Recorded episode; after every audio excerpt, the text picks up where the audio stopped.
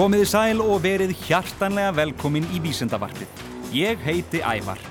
Í þætti dagsins ætlum við meðal annars að fjalla um bakteríur, plast, kvali sem eru algjörar ofurhetjur og svo ætlum við að fá að heyra hvernig api myndi hljóma ef hann kynnað tala. En við byrjum á nánustu vinum okkar, bakteríunum.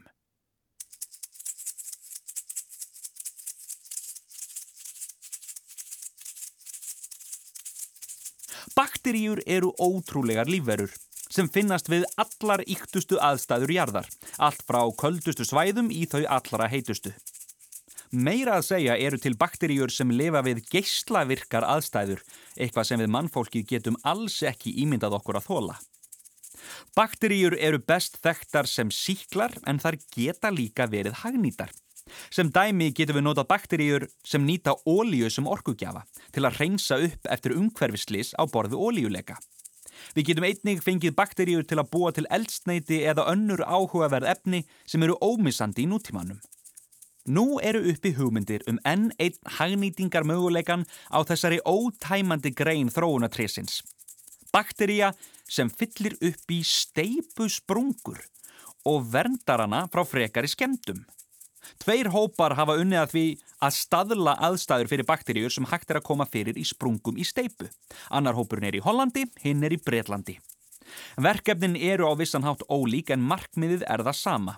Að nota bakteríur sem geta byggt inn í steipusprungum með kalkútfellingum. Bakteríunum er það komið fyrir í sprungunni á samt æti sem þær geta nýtt. Í ætinu er kalk, bundið við eitthvað orkugjafa og þegar bakteríunar nýta fæðuna framleiða þær í leiðinni efni sem fyllir upp í sprunguna. Með þessu móti má spara heilmikið að sementi sem annars færi í viðgerðir og að auki gera steipuna endingabetri. En ein viðbótin við það hvernig bakteríur geta bætt líf okkar mannfólksins. Við fjöllum um annars konar bakteríur setna í þættinum.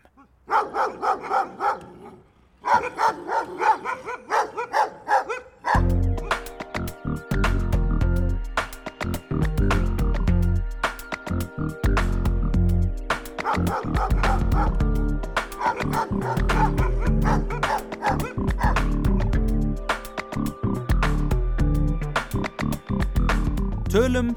um hunda og nýjar rannsóknir tengdar þeim. Þó svo að hundar setji upp skömmustilegan sveip þegar þeir hafa gert eitthvað af sér, sína rannsóknir að ástæðan er ekki vegna þess að þeir skammist sín í raun og veru. Að sögn Susan Hazel, sérfræðingi í dýralæknavísindum, segir skömmustulegi svipurinn meira til um samband manns og hunds í gegnum tíðina en getu hunda til að finna til sektarkendar. Hér er frekar um að ræða viðbrauð sem hundar hafa þróað sem svar við reyði eiganda síns. Hazel segir að í raun hegði hundar sér á þann hátt til að sína undirgefni þegar eigandi þeirra reyðist þeim, sem við mannfólki tólkum síðan sem sektarkend. Hún bendir einnig á að hundar séu góðir því að lesa líkamstjáningu manna og geti þess vegna oft metið hvaðað er sem eigandin hugsa, jafnvel áður en hann veita sjálfur. Í rannsókt sem var gerð árið 2009 af Aleksandru Horowitz og samstarfsmönnum hennar voru samskipti millir hunda og eiganda þeirra skoðuð. Hundarnir voru skildir eftir einir í herbergi með hundanammi. Í sumum tilfellum leifðu vísindamennin hundunum að borða nammið en í öðrum var nammið tekið frá hundunum en eigundunum sagt að þeir hefðu getið það. Í ljós koma hundandir síndu skömmustölega hegðun þegar eigundunir skömmuðu þá, hvort sem þeir voru sekir eða ekki. Horowitz segir að skömmustölegan svip hunda megið í fremur tólka sem svo að hundandir sé að segja ekki hegna mér fyrir það sem þú heldur að ég hafi gert, heldur en raunverulega skömm. Þannig að þó að myndir á internetinu af skömmustulegum hundum séu skemmtilegar, þá bendir ekkert til þess að þeir skammist sín í alvörunni.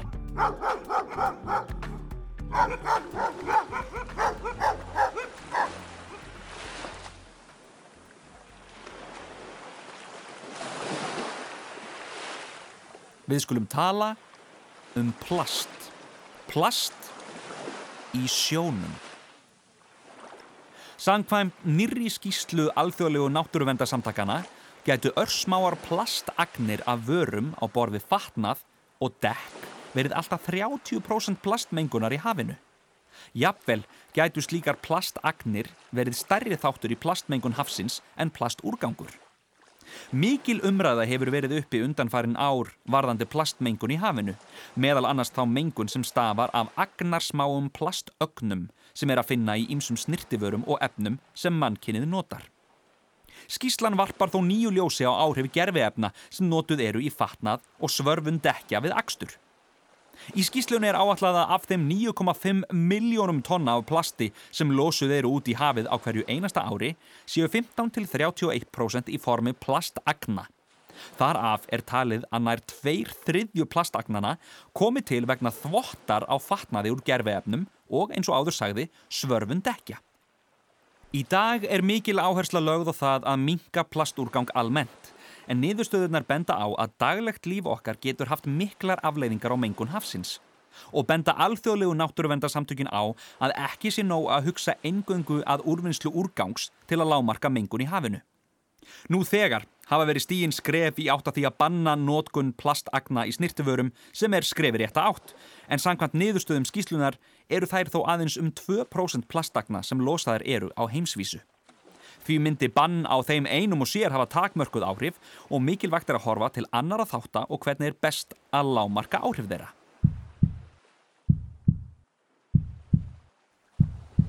Áhrif plastagna á dýr í hafinu hafa verið nokkuð vel rannsökuð á undanförnum árum. Þar til nú höfum við þó lítið vitað um áhrif plastagna á mannfólk. Nýrannsókn sem fjallaður um í heimildamindinni að Plastic Tide eða plastflóðið varpar ljósi á hvað við mannfólkið innbyrðum mikið af plastögnum á ári. Samkvæmt niðurstöðum rannsóknarinnar geta þeir sem borða fisk og skellfisk reglulega tekið inn alltaf 11.000 plastagnir á ári. Þegar í líkamann er komið geta plastagninar að einhverju leiti verið teknar upp í blóður á sína og er ekki vitað hvort eða hvaða áhrif það hefur á heilsufar okkar. Að því er kemur fram í heimildamindinni fara um 99% plastagnana í gegnum meldingavegin en um 1% þeirra eru teknar upp í blóðrásina. Borði einstaklingur 11.000 plastagnir á ári samsvara það því að um 60 plastagnir komist inn í blóðrásina á ári. Og þó að þetta kunni ekki að hljóma svo illa þá veldur niðurstaðan áhyggjum vegna þess að mannkinnið losar sífælt meira plast út í hafið. Haldi losunin áfram á sömu braud geti staðan verið þannig um næstu aldamót að innbyrtar plastagnir á ári fari upp í 780.000 og að 4.000 þeirra verði þá teknar upp í blóðrásina. Vegna þess að við vitum ekki enn hvort plastagninar hafi áhrif á helsufar okkar og ef svo er, hvernig, bendir Dr. Colin Jansen við Gent Háskóla sem leittir rannsóknina að það sé mikilvægt að komast að því sem allra allra fyrst.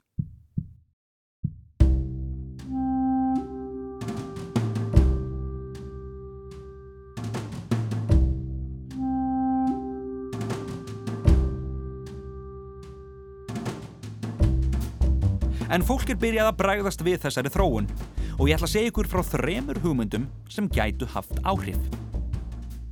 Ný lög í Fraklandi banna glös, botla og diska úr plasti þar í landi og verður skilda að einnota borðbúnaður geti verið brotin niður í sapnhaugum og sé gerður úr efnum af náttúrulegum uppruna.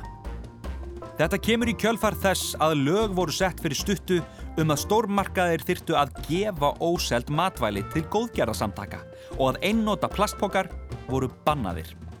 Laugin þau taka ekki gildi fyrir nárið 2020 og eru liður í stefnulandsins að berjast gegn loftslagsbreytingum. Þó að margir séu ánaður með nýju laugin er ekki allir sem telli að þau vera góða hugmynd. Meðal þeirra sem mótmæla lögunum eru samtengin Pack to Go sem telja laugin brjóta gegn reglum Evrópusambandsins um frjálstu vöruflæði. Samtökin, sem eru samtök umbúða framleiðenda í Evrópu, segist alltaf berjast gegn lögunum og hvetja framkvæmdastjóra ESB til að höfða mál gegn þeim. Jammon Bates, aðalrindari samtakana, segir að engar sannanir séu fyrir því að efni af náttúrulegum uppruna séu betri fyrir náttúruna en plast. Hann telur að nýju laugin getur gert sorpvandanum verri því líklegt sé að neytendur miskilji hversu vel efnin brotni nýður í náttúrunni og séu því líklegri til að henda þeim ekki í sorptunnur. Þannig telur hann að staðan geti orðið verri enn í dag. En það eru fleiri að láta til sín taka. Nú hefur rannsóknarhópur við Kyoto Institute of Technology og Keio háskóla uppgötað bakteríutegund aftur tölum um bakteríur, sem getur broti niður PET-plast, PET-plast, sem er til dæmis notað í plastflöskur. Niðurstöður rannsóknarinnar voru byrtar í tímareitinu Science á dögunum. Bakterían fannst við skoðun á 250 sínum af PET-leifum eða PET-leifum sem sapnað var í urðunastöðum fyrir plast. Bakterían getur samkvæmt niður stöðum rannsóknarhópsins brotið niður þunnar PET-filmur á aðeins 6 vikum við 30 gráðu hita á Celsius. Til þess að brjóta niður plastið notar bakterían tvö enzím en eftir niðurbrotið myndast síra og glíkól sem bæði eru skadalus umhverfinu. Niðurstöðunar eru sérstaklega merkilegar fyrir þær sakir að vísindamenninni telja að bakterían hafi komið fram á sjónasviði nokkuð nýlega en það hefur PET-plast aðeins verið til í um 70 ár. Þrátt fyrir þessar jákvæðu niðurstöðu rannsóknarhópsins þá er ekki allir sammála um gagsemið þeirra. Bent hefur verið á að aðferðin sé ekki nógu hagkvæm til að berjast gegn plastuppsöpnun í heiminum og hefur Tracy Mincer við Woods Hole Oceanographic Institution sagt að hann sjá ekki hvað þessi lausn hafi frammi við það að bræða PET-plast til endurvinnslu. Minser er þó nokkuð bjart sín á framhaldið en það gæti uppgötunin leitt til uppgötunar á fleiri plast í etandi bakteríum í framtíðinni sem kunna nýtast betur í þessum tilgangi. Og þriðja og síðasta hugmyndin til að minka plastúrgang í heiminum Fyrirtækið Adidas á samt samtökunum Parley for the Oceans sáu tækifæri í ruslinu og framleiða nú íþrótt og skó úr plastrusli úr hafinu. Framtökinu er ætlað að vekja aðtikli á plastmengunar vandanum og hvernig má finna leiðir til að nýta það fyrir að menga náttúruna með því. Um miðjan november árið 2016 hóf Adidas sölu á 7000 íþróttaskóm úr endurunnu plasti. Um 95% af efra lægi skóna verður úr endurunnu plasti sem var fjarlægt úr hafinu næri Matív-eigum. Aðrir hlutar skóna verða einnig úr endurunnum efnum aðsökt fyrirtækisins. Adidas segist í framhaldinu að framleiða eina miljón skópara úr plastrusli í ár og er loka markmið fyrirtækisins að hætta alfarið nótkun nýs plasts í framleiðslu sinni. Áhuga samir geta fjárfest í pari á tæpar 25.000 krónur eh, þegar þeir koma á markað. Og úr einu í allt annað. Stengervingur vekur upp spurningar um þróun risaeðla.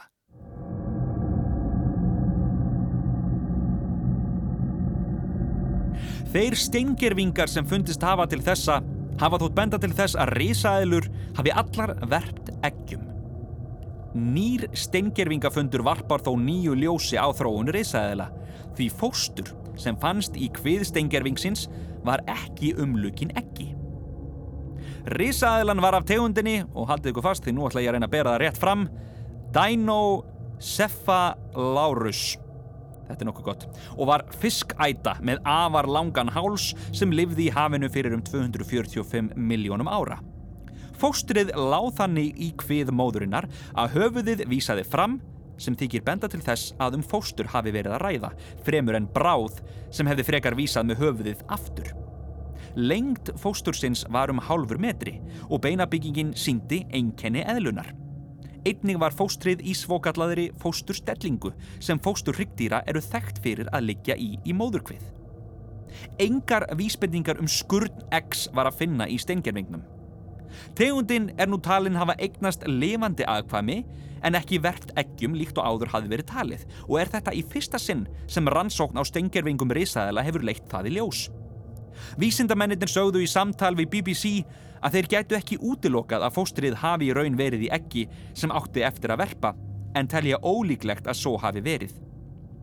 Líklegt þykir að kostir hafi fyllt því fyrir tegundina að geta egnast lifandi afkvæmi.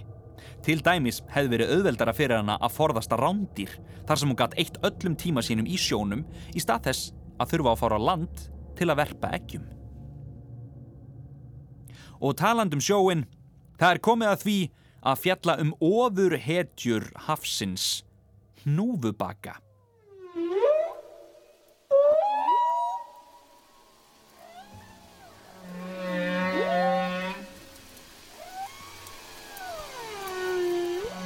Af einhverjum ástæðum verðast hnúfubakar förðu oft bjarga öðrum spendurum frá því að verða háhyrningum að bráð og engin veit af hverju. Þetta atferðli kvalana hefur sést í það minnstakosti 115 sinnum. Meðal sagna af björgunar aðgerðum hnúfubaka er atvik sem sjávarlífræðingurinn Robert Pittman varð vitni af árið 2009. Sankvæmt Pittman var hópur háhyrninga að reyna veiða sel sem var fastur á ís við Suðursköldslandið. Þegar háhyrningnum tókst að hrinda selnum af ísnum reys hnúfubakur upp á milli selsins og háhyrningana og kom þannig í veg fyrir að háhyrningarnir næðu til hans. Í ofnalag þá snýri hnúfubakurinn sér við og kom selnum fyrir á hvið sínum svo háhyrningarnir næði ekki til hans. Annað dæmi er þar sem hnúfubakar reynda að koma grákvalskálfi til bjargar. Í ljósi þessara sagna og yfir hundrað annara þykir vísendamönnum eðlilega spennandi að rannsaka hvaða er sem liggur þarna baki. Því byrti hópur vísendamanna samantekt í Marine Mammal Science þar sem atferðlinu eru gerð skil og reynda greina ástæðunar sem liggja að baki enn sem komið er er ekki vitað að hverju núfubakar yfka það að bjarga bjargarlösum spendirum frá háhyrningum og er hegðunin sérstaklega ofinnileg í ljósti þess að núfubakarnir þeir græða sjálfur ekkert á björgunaraðgerðunum. Tilgáta vísindamannana að svo stöttu er svo að núfubakar séu vanir því að háhyrningar veiði kálfa þeirra sér til matar og bregðist því við á þennan hátt þegar háhyrningar reyna að veiða önnu spendir sem einhvers konar fórtfísi hemmt eða hreinlega vegna miskilnings. Það er ljóst að mikill að rannsókna er þörf á þessu sviði til að skilja betur hvaða er sem liggur að baki og það verður spennandi að fylgjast með gangi mála í framtíðinni. Og að lokum. Hvernig myndu apar hljóma ef þeir gætu talað? Fram að þessu hefur verið talið að rattfæri apa séu þannig byggð að þau bjóði upp á getuna til að tala. Ný rannsókn varpar þó ljósi á uppbyggingu rattfæra makakíapa og ættu þeir samkvæmt niðurstöðunum að hafa líkamlega getu til að tala. Niðurstöður rannsóknarinnar voru byrtar í Science Advances og rannsóknarhópurinn notaði röntgenmyndir til að ákvarða uppbyggingu og hreyfigetu rattfæra apana, til dæmis tungu, vara og barkakílis. Í kjölfarið útbjó hópurinn tölvu líkan af rattfærum apana og varð niðurstaða prófana þeirra svo að apanir ættu út frá uppbyggingu rattfærana að geta talað.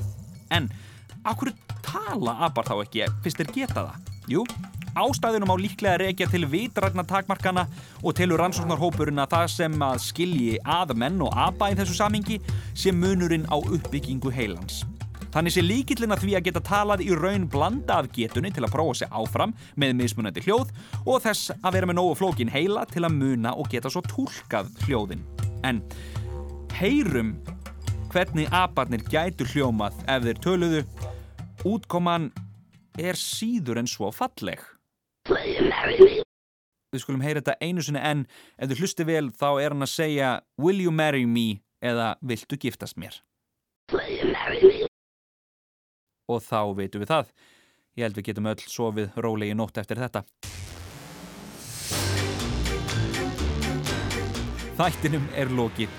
Ég vil þakka vísendavefsíðunni kvatanum kvatin.is en vísendamólar dagsins komu af vefsíðunni þeirra. Þá vil ég líka minna á vefsíðu þáttarins krakkarúf.is skástrygg ævar eða a-e-v-a-r. Þetta er ævar vísendamæður, yfir og út.